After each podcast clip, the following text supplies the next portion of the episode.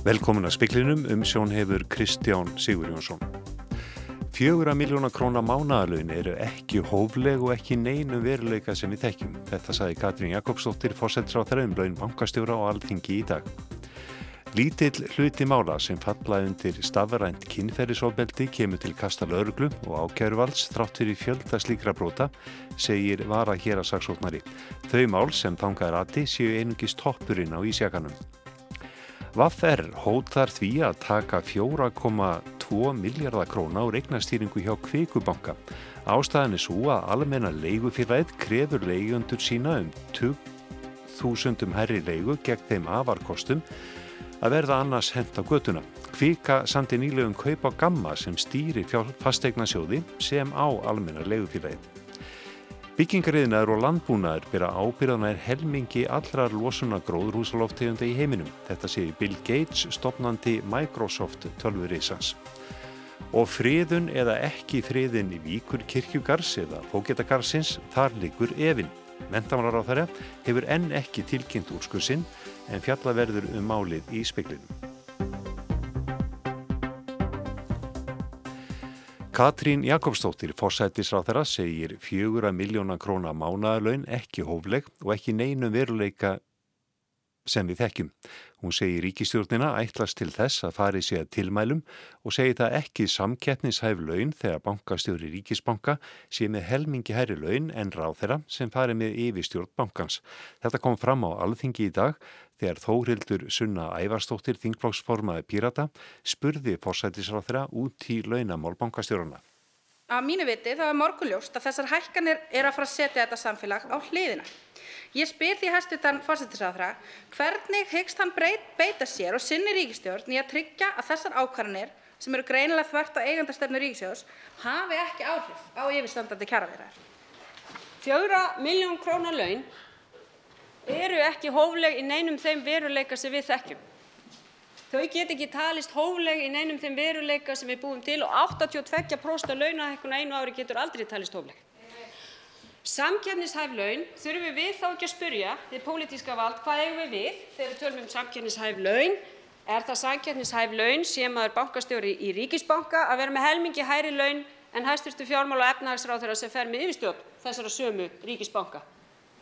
Er það samkeppnishæf laun? Mér finnst það ekki samkvæmt mínum skilningi á samkeppnishæfur og tel ég mig nú hafa ágætis málskilning. Þannig að það sem ég átti við, þá þarf kannski að skrifa þessa starfskjarastefnu út þannig að hún sé hverjum manni sem er fullkomlega ljós að við ættumst til þess að þarna sé þessum tilmálum fyllt eftir í raun. Þetta sagði Katrín Jakobsdóttir á Alþingi í dag og Þórhildur Sunna Ævarsdóttir á undan henni. VAF-R hefur sendt kviku banka og opið bref þar sem stéttarfélagið hótar því að tóka, taka 4,2 miljardar króna á regnastýringu hjá bankanum.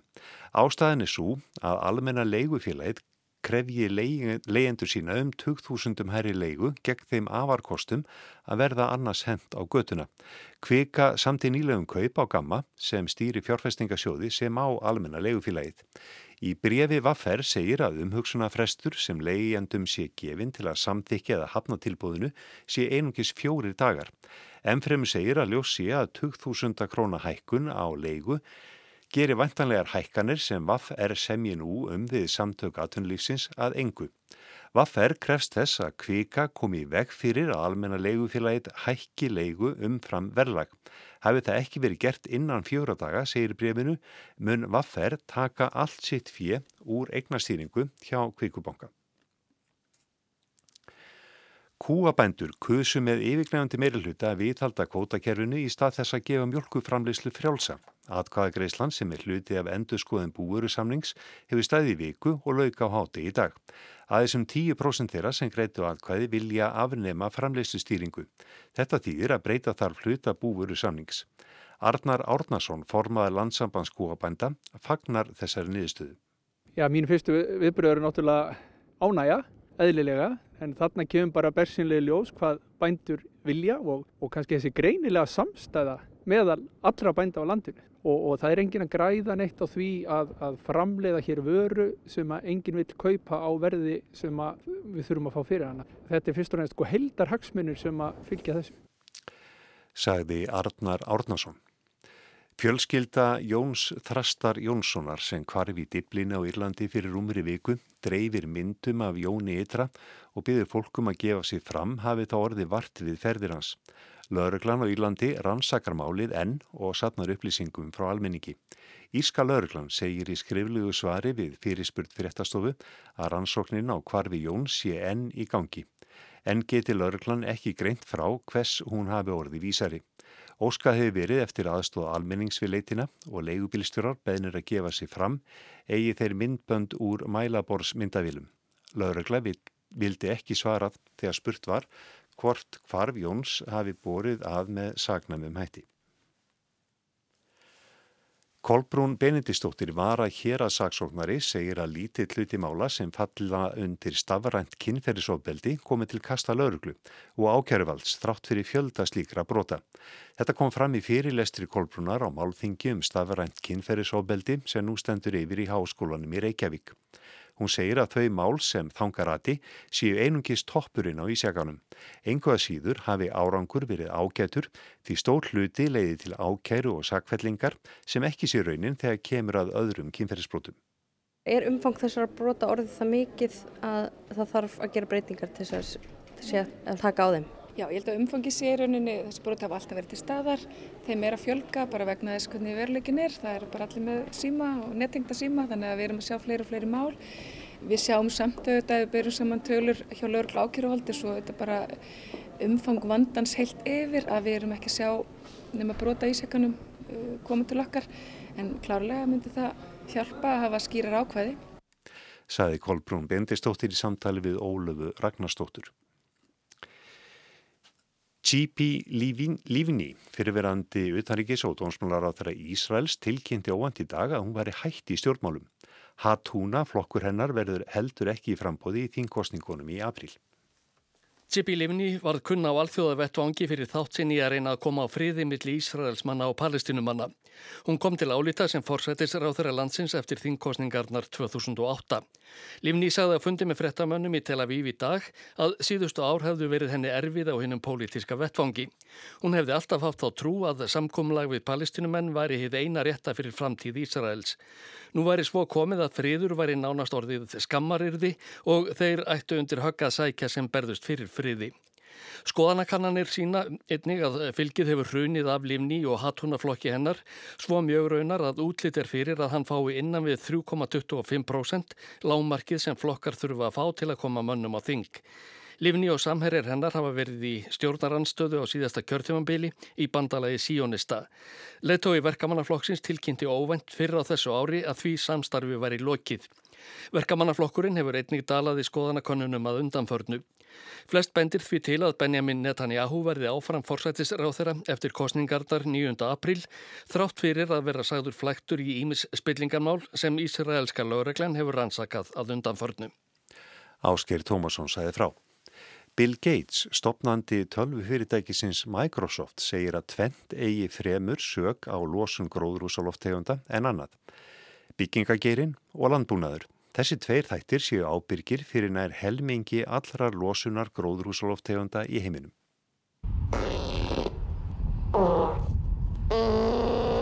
Þetta eru beljur að prumpa og það er sko ekkit grín, allavega ekki í augum Bill Gates. Hann vakti nýlega aðtegla á því í fréttabriði sínu og í sjónvasviðtali að landbúnaður væri ábyrgur fyrir 24% allrar losunar gróðurhúsaloftegunda og stór hluti þess væri metangas sem kýrtar sendu frá sér bæði að framann og aftan. They leak uh, natural gas both out the front and the back. Nýleg rannsók sem geimferðastofnun bandaríkjana NASA létt framkvæma leiðir meira segi ljós að metanlosum kuna er um 11% meiri en áður hefur verið talið. Alls senda þær frá sér um 120 miljónir tonna af metangasi á ári. Þá segir Gates að byggingareiðinaðurinn eigi sög á 21% allra losunar.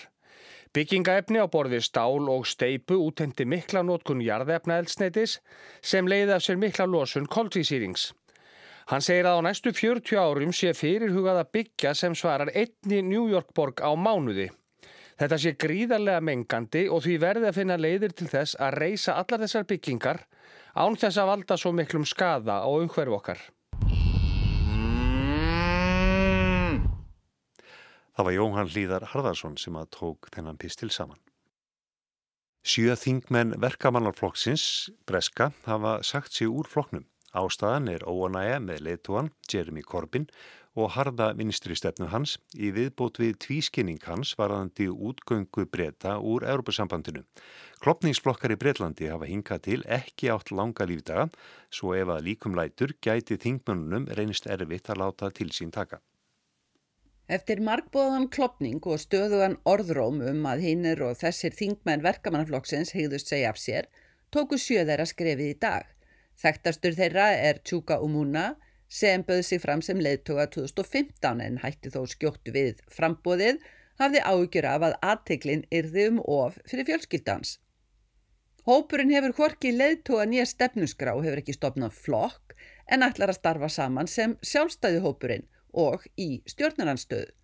Úrsögnin kemur engum á óvart aðeins spurning hverjir af íhjaldsamari hlutaverkamannaflokksins segðu sig úr flokknum sem flokksleitóin Jeremy Corbyn þykir hafa þokað lengra til vinstri en áður var. Óanæja með brexit stefnu flokksins hafði sitt að segja en óanæjan er viðtækari en svo. Þingmennir nefndi morgun andvestrannan málflutning Corbins, hann er ekki hallur undir Allansansbandalagið þó flokkurinn sé það. Fóristans græfi því undan þjóðarörgi Bretlands. Það fer einnig illa í þingmennin að Korbin hefur hvað eftir annað verið mjög gaggrinninn á viðskiptalífið. Þar hefur Korbin þó óvenda samkjapni úr íhalsfloknum. Boris Johnson ferum utaríkisráð þegar að notaði óviður kvæmilega F-orðið um viðskiptalífið. Það mætti bara eiga sig. Og svo er það afstæðan til Ísrael. Korbin er hallur undir málstað palestínumanna og hann er ekki einnum það í floknum. Anstæðingar hans telja að þetta komi hins vegar einnig fram í almennri andgýðingleri afstöðans. Deilur um þessi efni hafa þjakað flokkin alveg frá því Korbin tók við sem leiðtögi 2015. Honum hefur reynst gjörsamlega ómólegt að reka af sér það orð. Stuðningsmenn hans sjá hins vegar fingra fyrr anstæðinga hans þarna. Málið sé nota sem vopp gegn Korbin.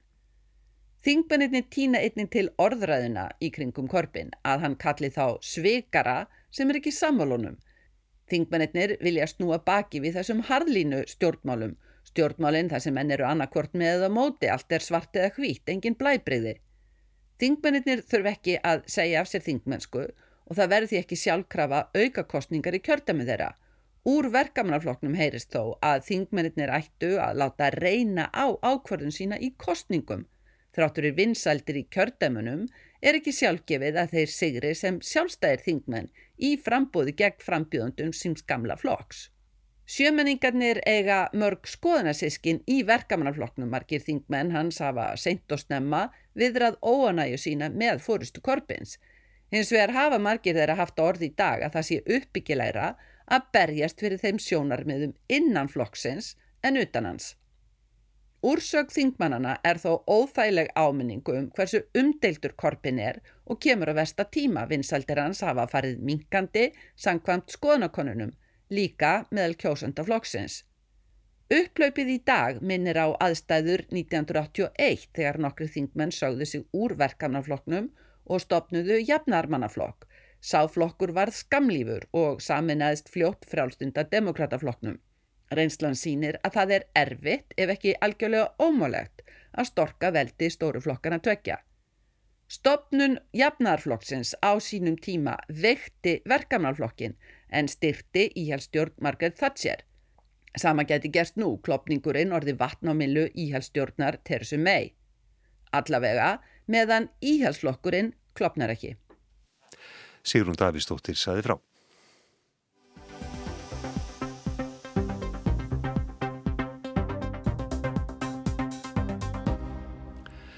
Tilstóða Lilja Alfredsdóttir, mentamular á þeirra, úrskurðaði nú síðdeis hvort að sá hluti Víkur kirkjugar sem er innan byggingasvæðis á landsímareitnum svo kallaða við kirkjustræti Reykjavík erði friðlýstur eða ekki. Svo tilkynning eða yfirlýsing er ekki enn komin frá ráþeira. Ráþeira hefur frest til miðinættis til að tilkynna ákvörðun sína en hún lísti því yfir um helgina að það myndi hún gera síðdeis í dag. Minjastofnun skyndi friðaði þennan reit þann 8. januar en það er henni heimilt sangant lögum. Skyndi friðuninn gildir í sex vikur en mentamlaráð þeirra þarf að ákveða hvort svo friðun sé varanleg eða ekki innan þess tíma og sá tími rennur út nú á miðnætti. Félagi Kvosinn en í því eru meðal annars nokkrir heiðusborgarar Reykjavíkur hefur barist kröftulega gegn því að byggt verði á þessum stað. Þarna hefur hins vegar verið samt Þarna hefur hins vegar verið samþygt innan borgarkerfisins að byggt verði hótel og var verktæki þegar byrjaður að rýfa viðbyggingu við gamla landsímahúsið og hefja annan undirbúning þegar skyndifriðun minnjastofnunar kom til í byrjun janúar. En hingað eru þau komin Sigurborg Óskar Allstóttir, formaði skipulags og sangungur ás Reykjavíkur og borgarfjöldrúi og Helgi Þorlóksson, sagfræðingur og félagi í Kvosinni og eitt þeirra sem skrifið undir yfirlýsingu þar sem skoraði er á Lilju Alfredsdóttur að friða víkur kirkjugarð. Það er kannski fyrst að spyrja hvað dvelur ormin langa, Sigurborg? Hvað, hvers vegna er Lilja svona lengi ákveðið sig? Já, það er góð spurning. Ég held að mentamálar á þeirra verði nú að svara fyrir það. En þau hafa jú haft uh, sex vikur til þess að koma með svar En bendir þetta til þess að þarna séu, þetta sé hreinlega erfitt mál úrlausnar? Já, skiplagsmál er það alltaf og það er að mörgu að huga þarna. Helgi, hvað heldur þú að dvelji? það er ekki gott að segja. Hvort það er verið að leita einhverjar málamillunar þarna í, ég bara þór ekki að segja um það. Nei, er ykkur málamillun til? Nei, ég veit ekki hver hún ætti að vera svo sem. Nei. Ég sé það ekki hendi mér. Sigurborg, hver hefur eh, aðkoma borgarinnar verið að þessu máli? Máli er fyrst og fremst á milli Lóðarhafa og Minjastofnunar í þessu tilviki. Uh, aðkoma borgarinnar er þó einhver, þó sérstaklega ljósi þessa að Minjastofnun ákvað að koma með þessa skyndifriðun og borgarlögumar komið aðtöðsemt, já skilaðin aðtöðsemti varðandi þá skyndifriðun. Þar sem henni er mótmælt, þar er segja að Reykjavíkuborg tilur að það séu í rauninni hæfnar fórsendur fyrir friðunni í ljósi þess að það eru engar minja lengur til staðar á svæðinu sem að frílýsinga til að nær til og það er mjög mikilvægt að halda því til haga. Helgi, eru þið sammála því að það dugi til að þessi mm. minnir hann ennþá? Já, við vísum náttúrulega til laga um það hvernig eigi að fara með gamla kirkíkara sem eru aflæðir. Það segir þar einfallega í kirkíkarðalögum að, að þeir eigi að vera almenningskarðar og það segir það líka að það ekki reysa þar en einn mannvirki nefna þá með undatháu undatháun á að koma frá ráð þegar hann verður að hafa samræð við kirkjugarðaráð og borgin hefur aldrei sótt um slíka undatháu og borgin hefur það varið sem með svona einhverjum hætti sem við skiljum ekki alveg. Eh, en þetta er hugsunum í lögunum það sem er eins og kirkjugarður sé alltaf kirkjugarður og þá skiptir kannski ekki öllu máli hvort að beinin eru farin að mólna svo og svo mikið eða ekki og Um, Víðureitur er þess að víðureitur og umgengni við, við hann verður að vanda og hann getur ekki orðið annað en almenningskarður samkvæmt þessum lögum. En hefur verið eh, svona vandaður umgangur um þennan reit? Er ekki þarna bara bílastæði og, og þarna hefur verið gert tímislegt? Jú, jú. Eh, það afsaka náttúrulega ekki neitt. Lögin segja þetta einhvað síður þannig að menna ekki virt þau þarna nákvæmlega. Og e, þetta er bara gömul saga þannig að það hefur alltaf ykkur slis orðið þarna í, í garðan við og við og fólk hefur þá reysið upp til andmæla og orðið miklur og heitar umræður. En venjulega, og ég legg áherslu á það, þá hefur fólk reysið upp til andmæla og mótmælt meðferðin á garðinum. En óefni var svo náttúrulega póstur og sími var þarna með sína aðstöðu og þetta var vaksandi fyrirtæki og margir vildi fá síma og voru á bygglist og svona, það var þrýstingar á fyrirtækið. Óhefna var að það skildi vera þarna og það skildi ekki vera að flytta eitthvað annað og það vildi fá að bæta við húsakinni sín. Um þetta var mikið stríð til dæmis 1966 þegar að fóstur og sími vildi fá að reysa svona álíka stort hús og er núna í hugsaðlega rýsa, vonandi ekki. Um, og því var hafnað algjörlega, ríkistjóðin bannaði það að svona hús er í reist þarna 1966 en svo var samið um miklu minna hús, það er þessi viðbygging sem var rifin þarna í fyrra. Mm. og þó mátti ekki grafa sko fyrir kjallara undir þeirri byggingu. Og þetta er þetta svæði sem við erum að tala um núna, þessi landsíma reytur og þetta viljum við að sé fríðað að austustu mörgum og það er svona kannski nýju metrar í austur frá fókitagarðinu sem flesti kannast við en farið er að kalla víkurgari sendið þetta er svona 300 fermetrar eitthvað svolítið, rúmlega 300 fermetrar svæði líklega, við vitum það ekki alveg nákvæmlega. En Sigurból, þarna likur fyrir deiliskypulag um að það megi byggja á þessu reitt. Já, það hefur leiði fyrir í mörg mörg ár í raun og veru og ég held að það sé kannski rétt að halda því til haga varðandi kirkjugarða að þeir eru jú líka afhelgaðir og það er ímislegt uh, bara í sögu okkar lands og þjóðar sem að sínur okkur það að, að það hafa alls konar framkvæmdi verið í gangi þar, bæði varðandi uh, almenningsgarða eins og Helgi kemur hérna inn á, en líka bara varðandi uppbyggingu á öðrum stöðum á landinu. En ég held að sé alveg rétt að það hefur ímislegt gengið á þarna í gegnum tíðina og þegar að landsíma húsi var að byggjast og póstur og sími var þannig að stækka, það voru líka, það var grafið mikið í gardinum og það voru gerðir svo, svo kallar koparstrengir, stóri koparstrengir sem voru lagðið þarna í gegnum grafir á sínum tíma í, í gegnum fókjættagarðin og það var enginn sem bar þá mikla virðingu fyrir þeim minnjum sem að, að þar sannanlega liggja. En er það einhver afsökun eins og Helgi segir? Það er engin afsökun og mér þetta er ekki huga að afsaka fyrir kynnslóðir en varðandi þessa uppbyggingu sem er núna að fara stað og er að hluta til farin af stað að þar hefur fordleifarann farið fram árið 2016 og 2017 og það voru alla fornminjar þar fjarlæðar. Það er ekki þar lengur í dag og þess vegna til ég eðlilegt að þessi uppbygging geti haldið áfram að við getum síðan haldið áfram með fókitagarðin og, og lift hans sögu og endur hann að hann, það stendur til að hafa samkefni í samráðu við minnjastofnun um hönnun garðsins þannig að hann verði opnar í sagan verði okkur öllum auðlæsileg, það verði tryggt aðgengi fyrir alla og, og frjálst flæði gangandi vegfæranda Þetta skiptir allt óbúslega miklu máli í borgarumhverfinu og í líka stóra samhenginu þannig að ég held að eins og málinn standa núna og sagan sem við höfum í fanginu að, að þá sé það besta liðin. Sko eða á liftagarðinum, eins og þú segir, akkur er þá ekki að lifta öllum garðinum, þess að þetta ekki bara fókitagarðinum sem er núna kallað víkurgarður heldur öllum víkurkirkjugarði að austustu mörgum. Það er það sem þið viljið. Það er það sem við viljum, já. Við viljum ekki skilja út undan þennan part þarna. Af hverju óskupunum ættu að gera það? Þannig að þið viljið ekkert enga byggingu þarna, þið viljið Nei, ekki tóttur. Nei, við viljum bara fríðlýsa þennan hluta, austasta hlutan, eins og búið er að fríðlýsa vestur hlutan, mm. sem er fókitagarðurinn eða víkurgarður, hvað sem þið viljið, kallan.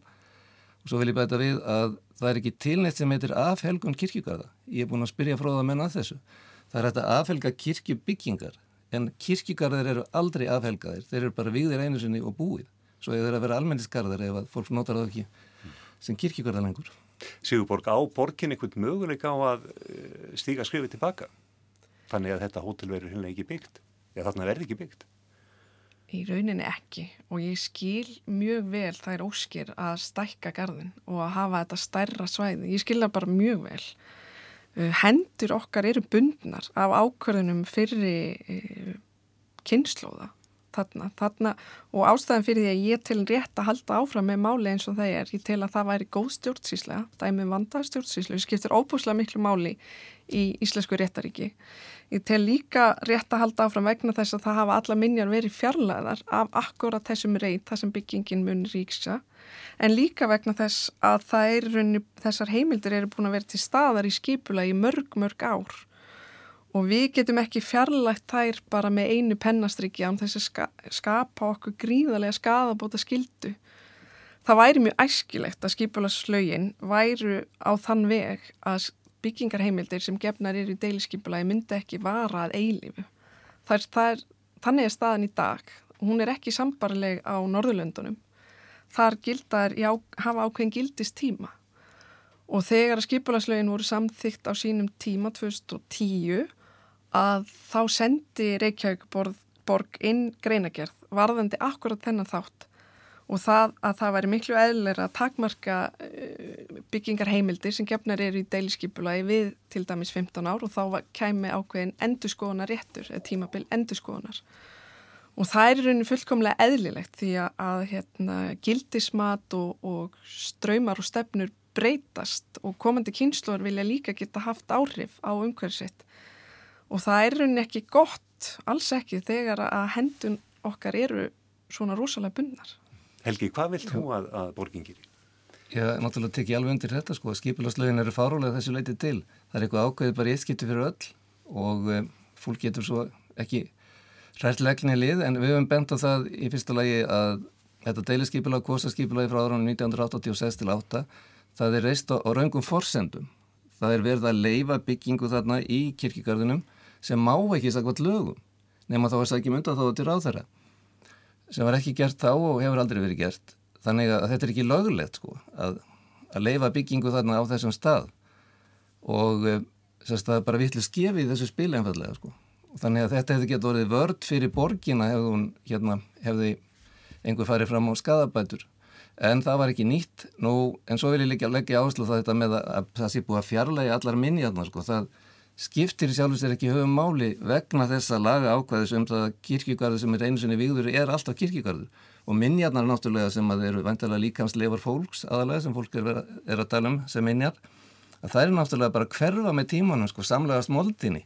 Og það er ekkit aðalega til þess vegna út frá sjónarhóli eh, lögjafans og svo vil ég benda það líka að e, samkvæmt því sem minnjastofnun bendir á þá er hægt að, að friðlýsa staði sem hafa minnja gildi. Og það heyrir mjög vel til í þessu tilviki sko, það sem er Víkur kirkjugarður. Þetta er minnja staður. Það er ekki bara minnjar sem að skipta öllum máli, heldur er þetta minnja staður. Og, og það skiptir miklu máli upp á friðlýsingu. Mm. Sigurborg, eh, ef eins og hefur komið fram sko, Lili er ekki búin að taka ákvörðun eh, ef hún myndi staðfesta þessa skyndifriðun hvar liggur skadabóta krafan þá? Hugsanleg skadabóta krafa? Hugsanleg skadabóta krafa lægi hjá ríkinu Það er alveg skýrst því að friðunum kemur frá minnjastofnun en ekki frá Reykjavíkuborg sem er sveitafélag. Um, Við höfum kannski sambarlegt dæmi um Hafnargarðin sem var frið, skyndifriðar á sínum tíma af þáverandi mentamálur á þeirra. Um, undir, já, sagt, Hafnargarðin sem er undir haf, uh, Hafnatorki og þar er í gangi matsmál fyrir domstólum upp á að minnstakosti halva miljard og það, því er vísað til ríkisins. Mm. Þannig að ég held að hérna það sé nokkuð skýrt og niðurstað þess mál skæti mögulega verið fordæmisgefandi fyrir önnumál. Helgi, að, tómi, er, er þetta skadabótamál, er það lítið mál í stóra samenginu? Nei, það sé ekki, en sagt, það er bara stöðut vísaði þetta með hafnatorkið og það er krafið upp á 500 miljónir, það er ekki búið að dæma þar. Það er ekki niðurstað að komi, það þýðir ekki að tala um þessa kröfu sem einhverja viðmiður. Þetta er bara krafa og ekkit annað. Hvað, eh, hverju búist þið við í kvöld? ég veit það ekki bara Nei. ég bara vonaði besta ég vonaði að Lilja lýsi yfir að þetta sé friðaðu staður hún lýsi yfir friði mm. þar með Hefur þú eh, spáðan þetta? Sigurbjörn? Ég býst við vandari stjórnsýslu af mentamálar á þeirra eins og hennar er vona að vísa og að hún muni ekki samþykja þessa skyndifriðun Takk fyrir komuna í speilin Sigurborg Ósk Haraldsdóttir, formað skipulags og samgönguráðs Reykjavíkur og Helgi Torláksson, sagfræðingur. Og við förum yfir það helsta sem var í þessum speikli, fréttum.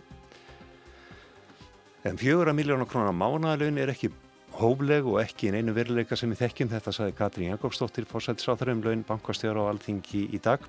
Lítið hluti mála sem falla undir stafrænt kynferðisofbeldi kemur til kasta lauruglu ákæruvalds þrátt fyrir fjöldaslíkra brota, segir Vara Hjera saksóknari og Vaffer hótar því að taka 4,2 miljardar króna á regnastýningu hjá Kvikubanka. Ástæðinni svo almenna leigufélagið krefur leigundur sína um 2000 herri leigu gegn þeim afarkostum að verða hent annars á götuna. Það var Davíð Bensen sem að sendi speilin út í kvöld. Verðið sæl.